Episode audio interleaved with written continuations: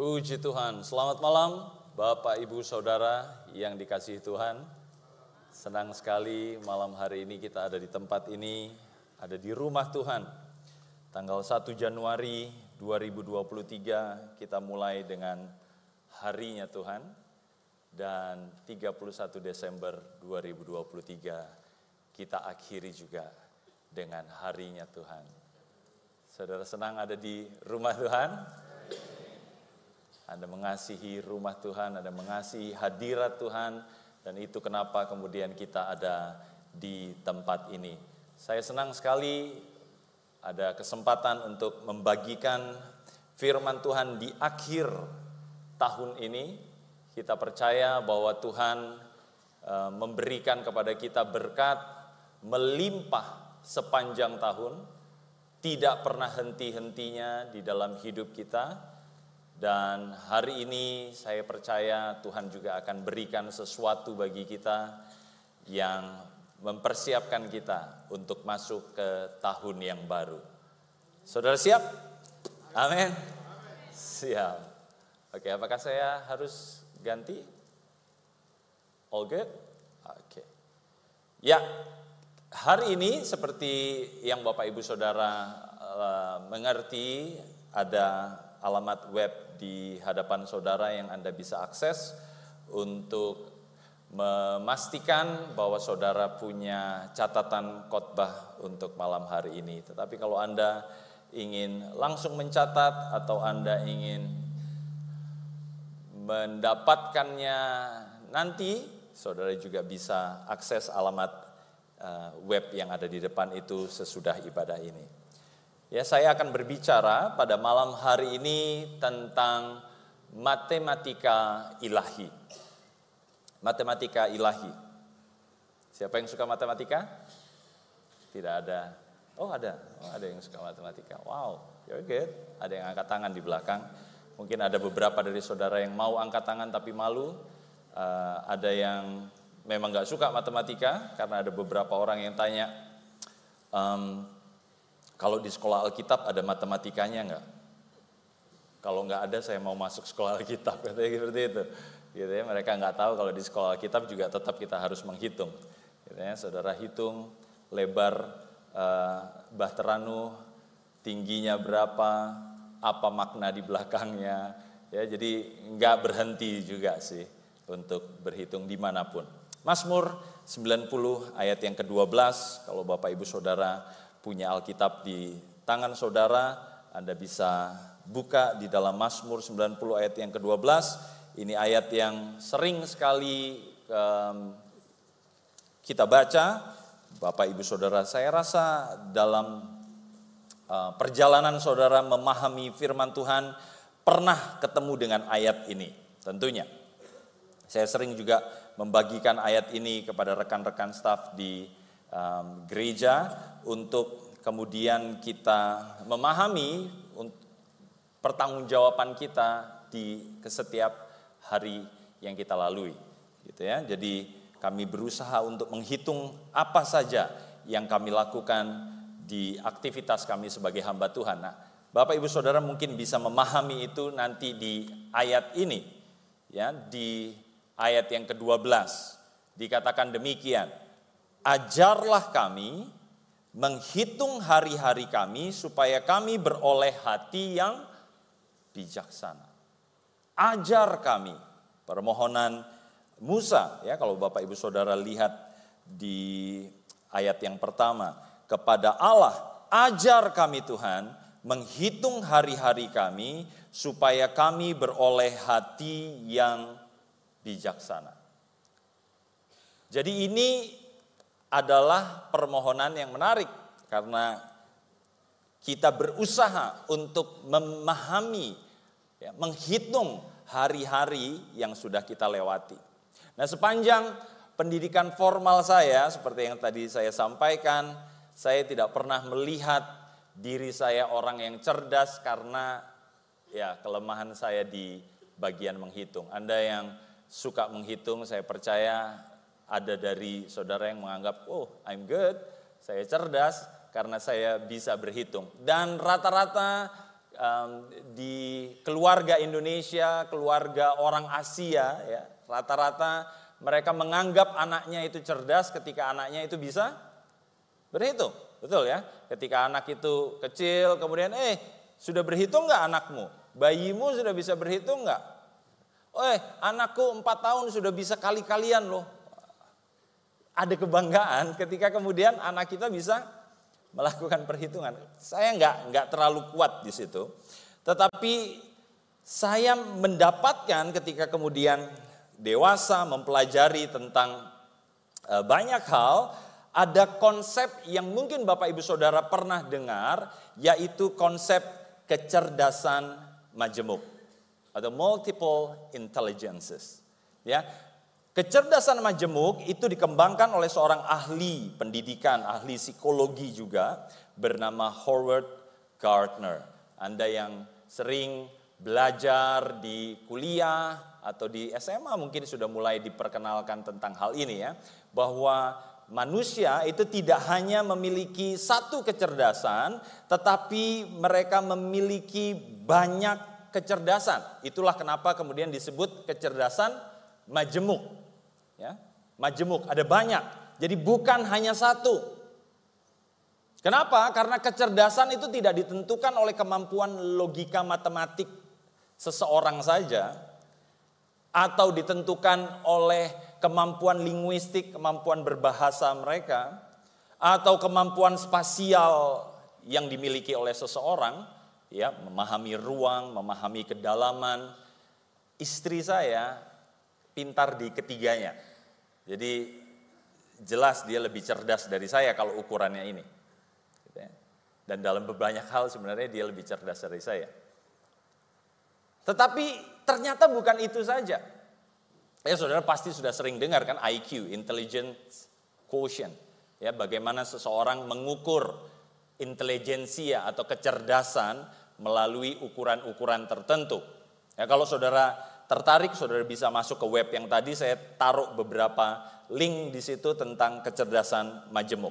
Nah, saya nggak bisa jelaskan satu persatu, tetapi saya sebutkan saja ya delapan kecerdasan majemuk yang dibangun teorinya oleh Howard Gardner.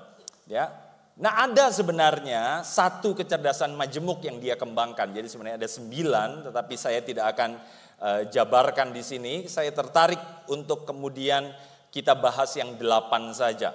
Ya, so bear with me. Ada delapan kecerdasan majemuk. Nah, kalau ada salah satunya menurut anda itu saya sebenarnya anda cerdas. Jadi jangan pernah berkata bahwa saya nggak cerdas, saya bodoh.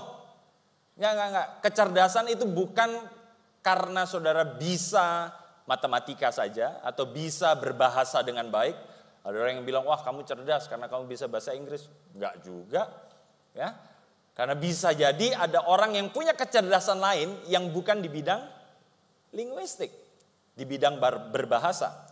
Jadi yang pertama, ya, ya oke itu sudah lewat. Yang pertama, linguistic intelligence. Ya, linguistic intelligence. Ya, cerdas dalam mengolah kata. Ya, ini kecerdasan berkata-kata. Ada orang-orang yang suka berkata, orang yang suka jualan. Ini biasanya cerdas juga dalam bahasa. Ya, pintar untuk meyakinkan orang. Ya.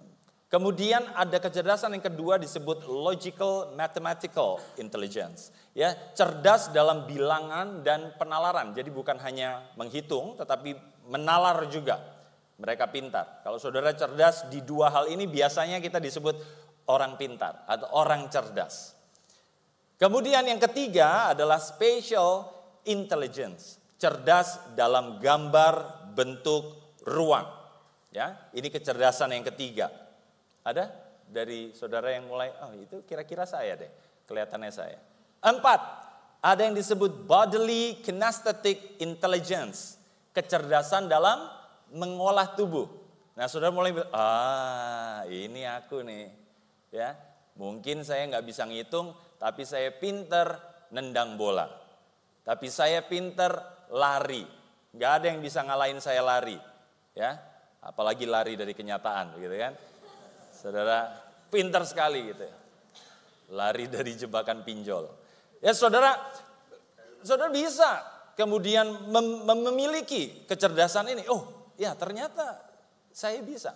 Ada teman saya yang nggak kuat sekali dalam hitung-hitungan, tetapi semua olahraga yang dia mulai atau dia pegang alatnya, dia bisa kuasai dengan cepat. Dia bisa mengalahkan orang-orang sekelasnya dengan cepat. Dia punya kecerdasan yang keempat ini. Kemudian ada yang kelima, ada namanya musical intelligence. Ya, orang-orang yang pintar bermusik, Saudara bisa lihat rekan-rekan pemusik Mahanaim ya. Tadi mereka menampilkan mengkomposisi ya, aransemen musik. That's intelligence, itu juga kecerdasan. Apakah mereka semua pintar berhitung? Bisa jadi, tapi bisa jadi enggak. Setidaknya mereka mengerti tempo. Kemudian ada yang keenam namanya interpersonal intelligence. Cerdas dalam hubungan dengan orang-orang. Saudara bisa jadi nggak bisa memainkan alat musik apa pun, ya tepuk tangan aja fals gitu kan. Ada ya saudara ada kan orang tepuk tangan, temponya di mana dia. Jadi tepuk tangan aja susah gitu. Tapi dia bisa jadi cerdas dalam berhubungan dengan orang-orang. Orang ini cerdas. Saudara nggak bisa bilang kemudian dia nggak cerdas. Kenapa? Karena dia punya interpersonal intelligence. Kemudian yang ketujuh, intrapersonal intelligence. Cerdas untuk mengolah ke dalam diri. Nah, ini orang-orang yang suka merenung, orang-orang yang suka kemudian memahami sesuatu, mengolah sesuatu di dalam dirinya. Ada dari saudara yang seperti itu? Suka berdiam, ambil catatan, merenung, menulis sesuatu. Ya, atau menggambar mungkin karena saudara juga punya kemampuan spesial atau saudara pintar untuk membuat sketsa dan lain sebagainya. Dan yang kedelapan, naturalist intelligence. Ya, cerdas dalam hubungan dengan alam. Ada orang-orang yang suka sekali menyentuh tanaman, menyentuh binatang, pergi keluar dan mereka menikmatinya. Dan mereka cerdas dalam pengolahan hal-hal itu. Ada orang-orang seperti ini. Mungkin ketika Anda taruh dia di dalam ruangan, dia nggak kelihatan. Ah, ini orang bisa apa sih? Tapi ketika saudara bawa dia keluar, wow, dia bisa buat lahan kosong kemudian menjadi produktif. Dia bisa buat taman yang dulunya tidak teratur kemudian jadi lebih menarik. That's naturalist. Itu orang-orang naturalis, orang yang bisa berhubungan dengan alam. Mereka juga orang yang cerdas. Jadi dari kedelapan kecerdasan ini yang mana kecerdasan Anda? Ada dong pasti. Ada yang saudara, hmm, kelihatannya itu saya uh, lebih menonjol dari yang lain. Menariknya Bapak Ibu Saudara, kalau Anda melihat perumpamaan Yesus, saya nggak akan baca ini di dalam Matius 25 ayat 14 sampai 30. Tahu dong tentang talenta, ya tentang talenta. Nanti saudara bisa baca. Kalau Anda jumlahkan ada delapan talenta.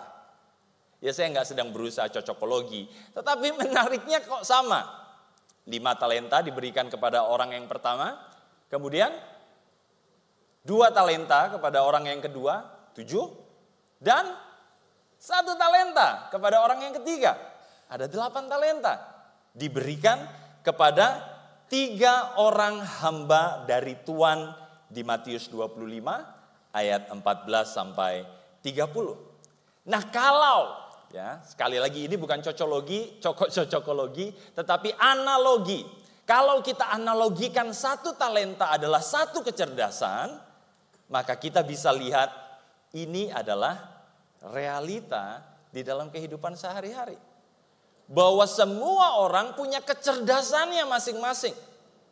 Ada yang punya lima, ada yang punya dua, ada yang hanya punya satu. Tetapi semuanya adalah orang-orang yang cerdas. Dan Bapak Ibu Saudara Anda sedang duduk di samping orang yang cerdas. Coba lihat sebelah kiri kananmu. Iya kan? Ah Jeff dia bodoh. Eh, nah, nah,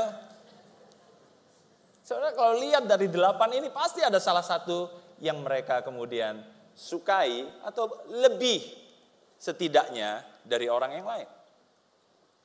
Jadi kita bisa melihat ada delapan kecerdasan dan ada orang-orang yang punya lebih, ada orang-orang yang punya hanya satu, tetapi semuanya punya. Amin. Saudara punya kecerdasan dari Tuhan. Gak ada dari saudara yang gak cerdas. Ada yang memiliki banyak, ada yang memiliki sedikit, tetapi Tuhan memberi sesuai kesanggupannya. Coba saudara lihat deh.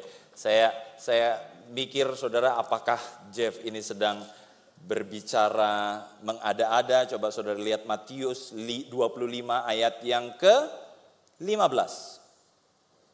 Yang seorang diberikannya lima talenta, yang seorang lagi dua, Oke, okay? yang satu bisa cerdas bahasa, cerdas matematis, cerdas spasial. Waduh, kayaknya pinter banget nih orang. Ya, tetapi ada yang cuma dapat dua. Dan yang seorang lagi satu. Mungkin kecerdasan apa yang dia miliki ya? Satu ini naturalis mungkin atau bodily kinesthetic, dia pinter olahraga, dia pinter bekerja, dia pinter mengolah tubuhnya. Masing-masing diberikan sesuai kesanggupannya. Kesanggupannya. Jadi karena mereka dianggap oleh tuannya sanggup, maka dia diberikan kecerdasan itu. Bukan tuannya tidak adil. Kadang-kadang kan konsep keadilan kita kalau saudara lihat ya debat capres cawapres ya rasanya keadilan tuh harusnya dibagi rata gitu loh. Semua harus dapat sama rata. Pada kenyataannya nggak seperti itu. Saudara nggak mungkin bisa membagi rata untuk semuanya. Karena ada kesanggupan yang berbeda. Nah, demikian juga di dalam kenyataan kehidupan kita. Di dalam kenyataan pelayanan pun demikian. Nah masalahnya apakah kita mau berhenti mengasihani diri kita sendiri dengan membanding-bandingkan apa yang kita miliki dan apa yang tidak kita miliki. That's the question. Sepanjang tahun ini apakah saudara membandingkan dirimu dengan orang lain dan saudara merasa inferior? Merasa aku tidak mampu karena aku tidak sebanyak dia. Atau sepanjang tahun ini Anda membandingkan orang orang lain dan saudara merasa superior sehingga kemudian saudara meninggikan dirimu. Tinggi hati, congkak, ini yang kemudian menjadi pertanyaan. Apakah kemudian karena saudara memiliki lebih sedikit dan kemudian saudara menyalahkan Tuhan karena tidak memiliki sebanyak orang yang lain? Tuhan kenapa aku cuma seperti ini? Jangan-jangan kita bersalah loh di hadapan Tuhan. Karena sebenarnya Tuhan sudah berikan kepada masing-masing kita talenta kecerdasan sesuai kesanggupan kita. Di ayat yang ke-24, kalau saudara lihat Matius 25, datanglah juga hamba yang menerima satu talenta dan berkata, Tuhan aku tahu bahwa Tuhan adalah orang yang kejam. Menuai di tempat Tuhan tidak menabur dan memungut di tempat Tuhan tidak menanam. Dia udah dikasih talenta, tetapi dia salahkan yang memberi talenta. Saudara udah dikasih kehidupan sama Tuhan, sepanjang 2023. Tadi pagi Pak Hani berkhotbah tentang satu hari lagi. Apakah kemudian saudara menyesali, aduh 2023 ya, saya menyesal karena saya tidak bisa memaksimalkan potensi saya? Atau Kemudian di 2023 ini saudara begitu banyak potensi sehingga kemudian aduh saya capek, saya terlalu banyak potensinya.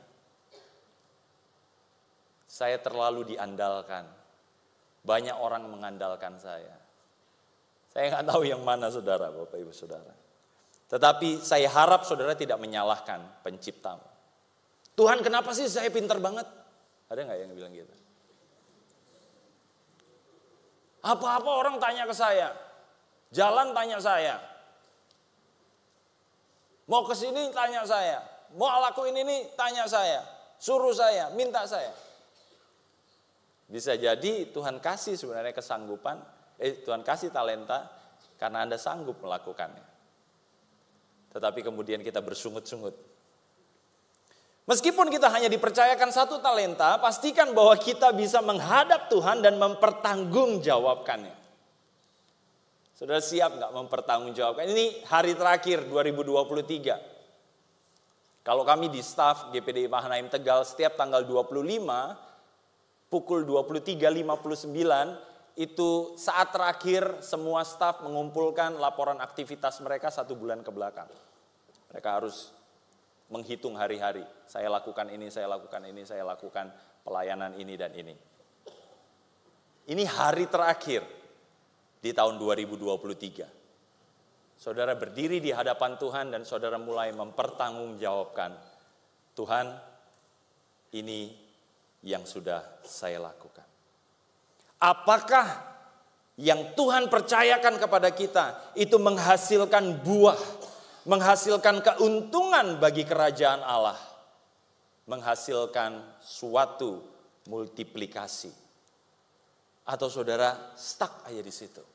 Saudara kelihatannya Kristen, tetapi kita, Bapak Ibu Saudara, tidak berbuah. Di ayat 20, di ayat yang ke-22 dari Matius 25, saudara bisa melihat ada hamba yang menerima lima talenta, kembali dengan lima talenta. Hamba yang menerima dua talenta, kembali dengan dua talenta. Sekarang saudara di hadapan Tuhan, Let's be honest. Jujur di hadapan Tuhan. Tuhan, sepanjang 2023 ini yang aku hasilkan. Adakah satu jiwa? Adakah satu pelayanan? Adakah satu kesempatan, satu kondisi yang Anda ubahkan menjadi lebih baik karena kehadiran kita bertanggung jawab di hadapan Tuhan. Apakah bentuknya pemenangan jiwa, memaksimalkan diri dalam melatih dan mendelegasikan? Apakah kemudian saudara melatih orang supaya kemudian punya kapasitas yang sama baik atau bahkan lebih baik dari kita? Itu kan melipat gandakan kan seperti itu. Bukan Anda membelah diri karena saudara gak bisa membelah diri. Itu matematika ilahi yang pertama sebenarnya. Saudara diberi, kemudian sekarang saudara menghasilkan. Anda yang bekerja di kantor, atasan saudara, bos saudara, tentu menginginkan sesuatu dari dirimu, bukan? Kalau saudara nggak menghasilkan apa-apa, untuk apa saudara ada di sini? Demikian juga di dalam kerajaan Allah, bukan? Apa guna kita? Apa kontribusi kita? Gembala bilang jangan ada yang jadi penonton. Tapi apakah Anda masih jadi penonton sampai dengan tanggal 31 ini? Itu pertanyaan yang harus kita jawab. Sekarang kembali ke ayat yang awal yang kita sudah baca, ya. Menghitung hari-hari. Nah, menghitung hari-hari di sini memiliki makna mengevaluasi diri.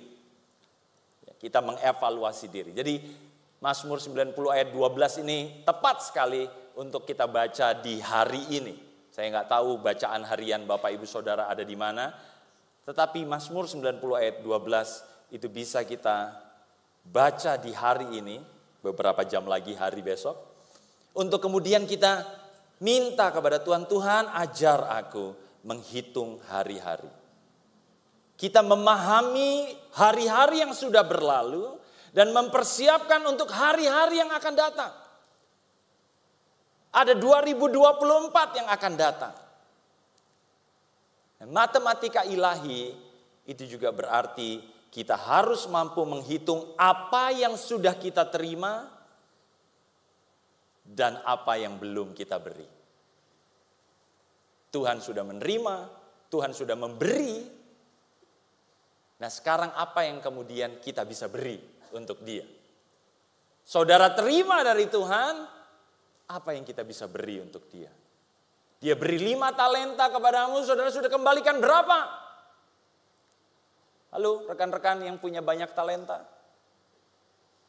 Atau Anda diam saja dan merasa, ah,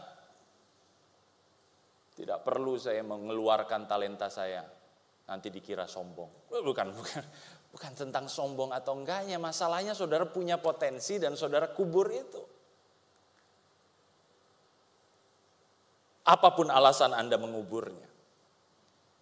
Apa yang sudah kita beri dan bukankah harusnya kita kembalikan. Karena hidup adalah tentang menerima dan memberi. Betul ya Bapak Ibu Saudara? Saudara selalu diajarkan kan dari kecil untuk berkata, terima kasih. Terima kasih. Ya kan? Saudara nggak pernah bilang kasih sesuatu, ah, terima-terima. Oh. Nggak pernah kan? Bilang apa? Bilang apa? Terima kasih. Karena suatu saat Anda harus mengembalikan yang saudara terima. Right? Tuhan udah kasih banyak sepanjang 2023. Masa kan saudara mau tetap di akhir 2023 berkata, nah, nah, nah, aku mau menerima. Aku nggak mau ngasih. Saudara mau kubur apa yang saudara terima dari Tuhan.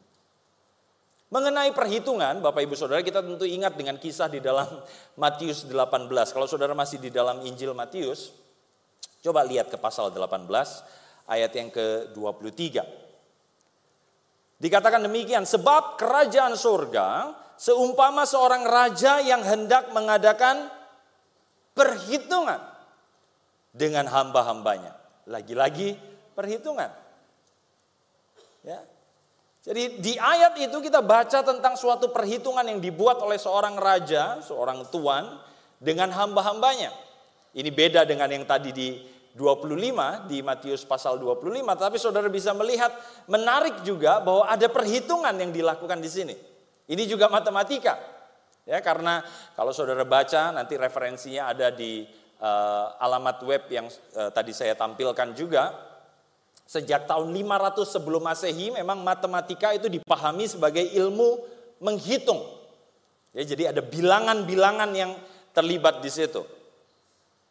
Jadi kita selalu terlibat dengan bilangan-bilangan ini. Nah, jika kita membaca lebih jauh ayat-ayat selanjutnya, kita dapat menemukan bahwa Tuhan ini punya hamba yang utangnya besar banget. Saya nggak sedang menyinggung saudara. Saudara mau punya utang, di mana pun utang saudara saya nggak tahu. Ya, jadi jangan bilang wah Jeff nih nyinggung orang-orang yang berutang. No, saya nggak ngerti. Ini firman Tuhan. Ya, kalau saudara mau salahkan, salahkan firman Tuhan. Karena di, di firman Tuhan dikatakan tentang utang. Begitu besar utang hamba ini, konsekuensi yang diterimanya begitu besar. Ya dong, kalau saudara utang seribu, ya mungkin konsekuensinya dicemooh aja gitu ya. Tapi kalau saudara utang satu miliar kan konsekuensinya lebih besar dari sekedar dicemooh begitu. Ada sesuatu yang lebih besar ketika saudara berutang lebih besar. Ia harus kehilangan kehidupannya, ya hamba yang berutang ini, karena ia akan dijual sebagai budak. Jadi dia berutang, dia nggak berhasil membayar, dia gagal bayar, dan dia harus menanggung konsekuensi bahwa ia akan dijual sebagai budak Bukan saja dia, seluruh keluarganya. Nah menyadari kondisinya ini kemudian hamba ini sujud menyembah. Dia minta belas kasihan dan dia kemudian di ayat 26 berjanji. Lalu sujudlah hamba itu menyembah tuannya, menyembah dia. Katanya sabarlah dahulu semuanya akan kulunasi. Padahal utangnya besar banget.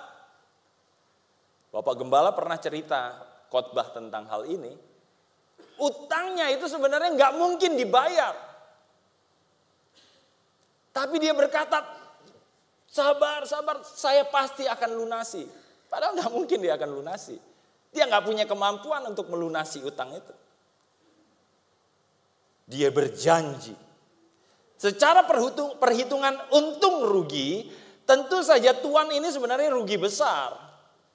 Karena hilang potensi finansial yang besar. Kalau saudara tahu, hamba yang satu ini dia utangnya berapa? 10 ribu talenta. 10 ribu talenta. Itu nilainya 60 juta dinar. Dan kalau satu dinar di kamus Alkitab dikatakan tarif upah pekerja dalam sehari, saudara bisa mulai berhitung. Let's say ya kita baru ada tukang ya bapak-bapak uh, diaken ini menggerakkan tukang-tukang untuk memperbaiki. Kalau saudara lihat ya di sebelah kiri dan kanan gereja ada di luar maksudnya saudara melihat di dalam apa yang berubah? Bukan bukan di dalam sini di luar sana ya ada yang diubah menjadi lebih bagus. Satu harinya let's say ya saya nggak tahu berapa uh, satu hari pekerja tapi kita kalikan aja 50 ribu. Let's say ya saya tidak berusaha ada tukang di sini saya tidak berusaha untuk menurunkan uh, jasa saudara tetapi untuk memudahkan saja. Kalau kemudian satu hari itu 50 ribu upah seseorang dikalikan 60 juta itu hasilnya 3 triliun. 3 triliun rupiah. Saya nyebutnya aja aneh gitu loh. Karena siapa sih yang pernah pegang 3 triliun gitu loh. Uang monopoli pun gak sebanyak itu, bukan? Ada, ada uang monopoli 3 triliun? Saya rasa gak ada. Padahal itu bohong-bohongan. Apalagi beneran. Besar sekali. Tetapi karena Tuhan ini punya belas kasihan, karena raja ini punya belas kasihan, utang sebesar itu dibebaskan dari hamba itu. Ngeri ya. Tuhan ini ngeri banget. Saya nggak ngerti saudara punya utang berapa kepada tetanggamu. Tetapi saya percaya saudara nggak semudah itu melepaskannya. Iya kan? Ya kalau 5 ribu kadang-kadang, eh udahlah ambillah. Tapi ketika itu udah 5 juta, 50 juta, wah saudara tongkrongin tuh, kapan nih orang keluar? Ya Karena duit nih. Ini 3 triliun. Dilepas begitu saja. Kenapa? Karena raja ini punya belas kasihan. Ayat yang ke-27, saudara bisa lihat di Matius 18. Tetapi kemudian di sinilah matematika ilahi itu dianggap remeh oleh hamba ini. Ketika hamba itu keluar, ya sudah diampuni nih. Oke, tiga triliunmu saya hapuskan. Kamu boleh keluar. Wah senang dia. Keluar, kemudian dia ketemu dengan rekannya yang pernah berutang 100 dinar. 100 dinar. 100 dinar bandingkan dengan 60 juta dinar. Huge discrepancy. Besar sekali perbedaannya. Tetapi ia memakai matematika dirinya sendiri. Ia seperti berkata, oh saya nggak rela kehilangan 5 juta rupiah. Ya kan? 100 kali 50 ribu, kira-kira 5 juta rupiah. Saya nggak rela kehilangan 5 juta rupiah. Padahal dia baru diampuni 3 triliun rupiah. Dia berkata, ah 3 triliun itu udah selesai. 50 juta. Lupa loh. Pada dia diampuni begitu besar. Ayat 28 sampai 30 Bapak Ibu Saudara bisa baca mengenai itu. Hamba yang diampuni sang raja itu dengan segera melupakan kerugian tuannya. Dia nggak tahu ketika dia diampuni, tuannya tuh rugi. It cost the king. Raja itu harus rugi tiga triliun. Tapi dia bilang, ah udahlah lupakan saja. Dia fokus pada kerugian dirinya sendiri. Kalau saudara baca cerita ini, kemudian kan saudara bilang lebih kurang ajar ya. Ada ya orang kayak gini ya. kurang ajar nih orang nih. Tetapi bukankah ini kemudian jadi gambaran kita? Ya nggak Bapak Ibu Saudara, kalau kemudian kita taruh ini sebagai kaca di hadapan kita di akhir 2023 ini, bukankah kemudian ini cerminan kita? Mungkin kita mengulangi respons dari Daud ketika dia dengar kisah rekaan dari Nabi Nathan. Bapak Ibu Saudara bisa lihat nanti di 2 Samuel 12 ayat yang kelima sampai yang kesembilan. Daud dengar sebuah cerita dan kemudian bilang, kurang ajar tuh orang. Dia harus dihukum. Daud gak sadar bahwa dia sebenarnya melakukan seperti yang orang itu lakukan.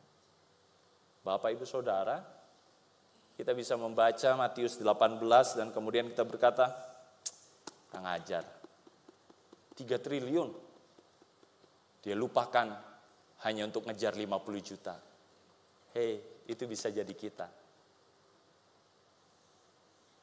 Itu bisa jadi Bapak Ibu Saudara. Itu bisa jadi saya. Kenapa?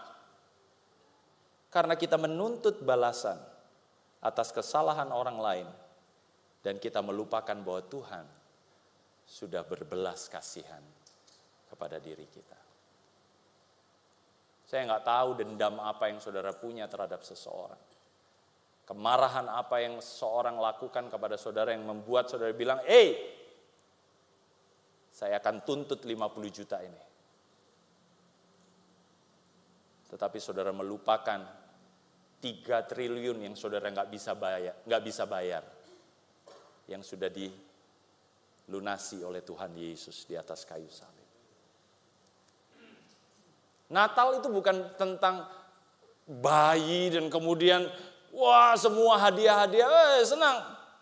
Betul, that's part of it. Tetapi kalau saudara lihat Natal itu harus berakhir di atas kayu salib. From cradle to the cross. Dari palungan, dari ranjang bayi, sampai ke atas kayu salib.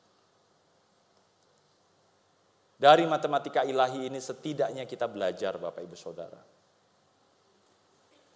Yang pertama, talenta adalah satuan berat Kira-kira nilainya 34 kg, satu talenta itu.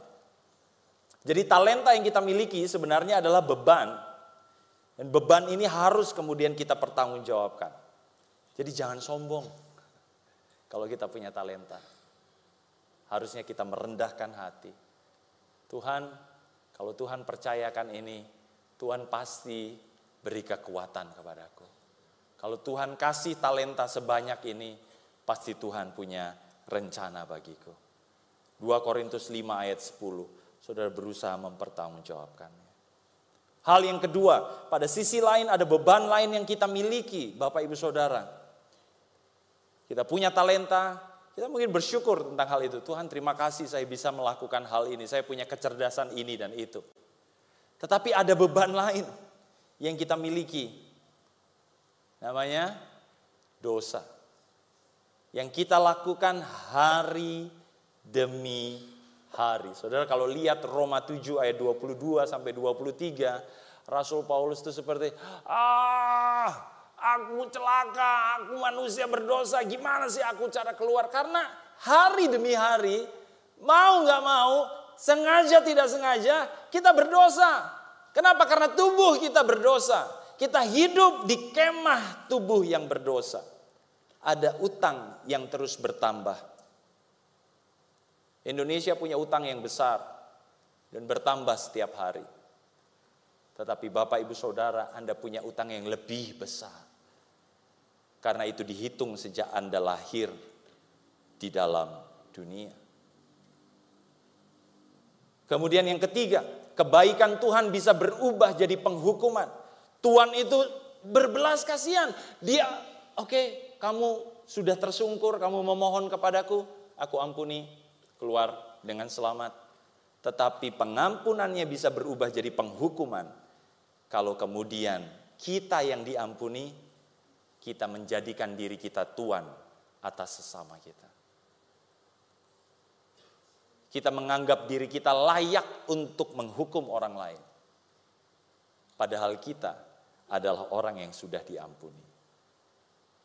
Yang keempat, utang kita tidak bisa dibayar. Tidak bisa dibayar. Saya hanya berkata 3 triliun itu mungkin beberapa dari saudara, oh, saya punya 5 triliun. Mungkin. Dan saudara bilang, oh it's, it's, it's payable. It's doable. Itu bisa dibayar. Itu hanya ilustrasi. Karena sebenarnya hutang kita itu tidak bisa dibayar betapapun kita berusaha. Itulah yang membedakan kekristenan. Kalau saudara ingin membedakan kekristenan dengan agama lain, anugerah Allah yang besar. Itu tidak ada di agama lain. Kasih karunia untuk orang-orang yang berdosa tetapi diampuni, yang bersalah tetapi dibebaskan. Kita tidak bisa membalas kasih Allah bagi kita. Kita bisa baca itu di Roma 9 ayat 15 sampai 16, 1 Korintus 6 ayat 20. Saya tidak punya cukup waktu untuk membahasnya. Bapak Ibu Saudara bisa catat itu atau cek itu. Kita nggak bisa balas. Tapi di akhir hari ini, kita bersyukur kita punya Allah yang setia Bahkan saat kita tidak setia bukan Bapak Ibu Saudara. Dalam 2 Timotius 2 ayat 13 itu dikatakan. Kita sering kali tidak setia. Tetapi masa sih kita mau terus hidup seperti ini di hadapan Tuhan? Mari, jangan keraskan hati kita. Ibrani 3 ayat 15 mengatakan, jangan keraskan hatimu. Mari kita pandang dia yang setia. Kita ambil tindakan untuk membalas kesetiaannya di dalam kehidupan kita. Apa yang Tuhan kasih di dalam hidupmu Bapak Ibu Saudara? Talenta apa? Pasti ada. Tetapi apakah Anda mau berikan itu untuk Tuhan? Saudara melihat ke belakang ke 2023, ada banyak kesempatan pelayanan yang diberikan. Saudara abaikan, saudara tolak, saudara tidak hiraukan. Tapi 2024 saudara berkata, Tuhan aku mau berbuah. Aku mau melayani Tuhan. Di 2023 saudara melihat, saudara begitu banyak kemarahan terhadap orang-orang. Begitu banyak dendam yang belum saudara selesaikan. Ada banyak orang yang saudara anggap berutang di dalam hidup. Tapi di akhir 2023, saudara berkata, Tuhan siapa aku ini? Yang menuntut utang kepada rekanku. Sementara aku sudah banyak diampuni.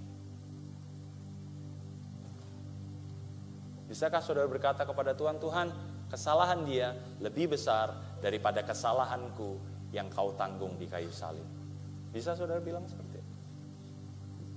kalau saudara nggak bisa bilang seperti itu, maka satu pilihan kita, ampuni dan datang kepada Dia yang penuh kasih karunia. Semoga Anda bisa menghitung hari-harimu dengan sedemikian, supaya kita menjadi jemaat yang bijaksana di tahun 2024.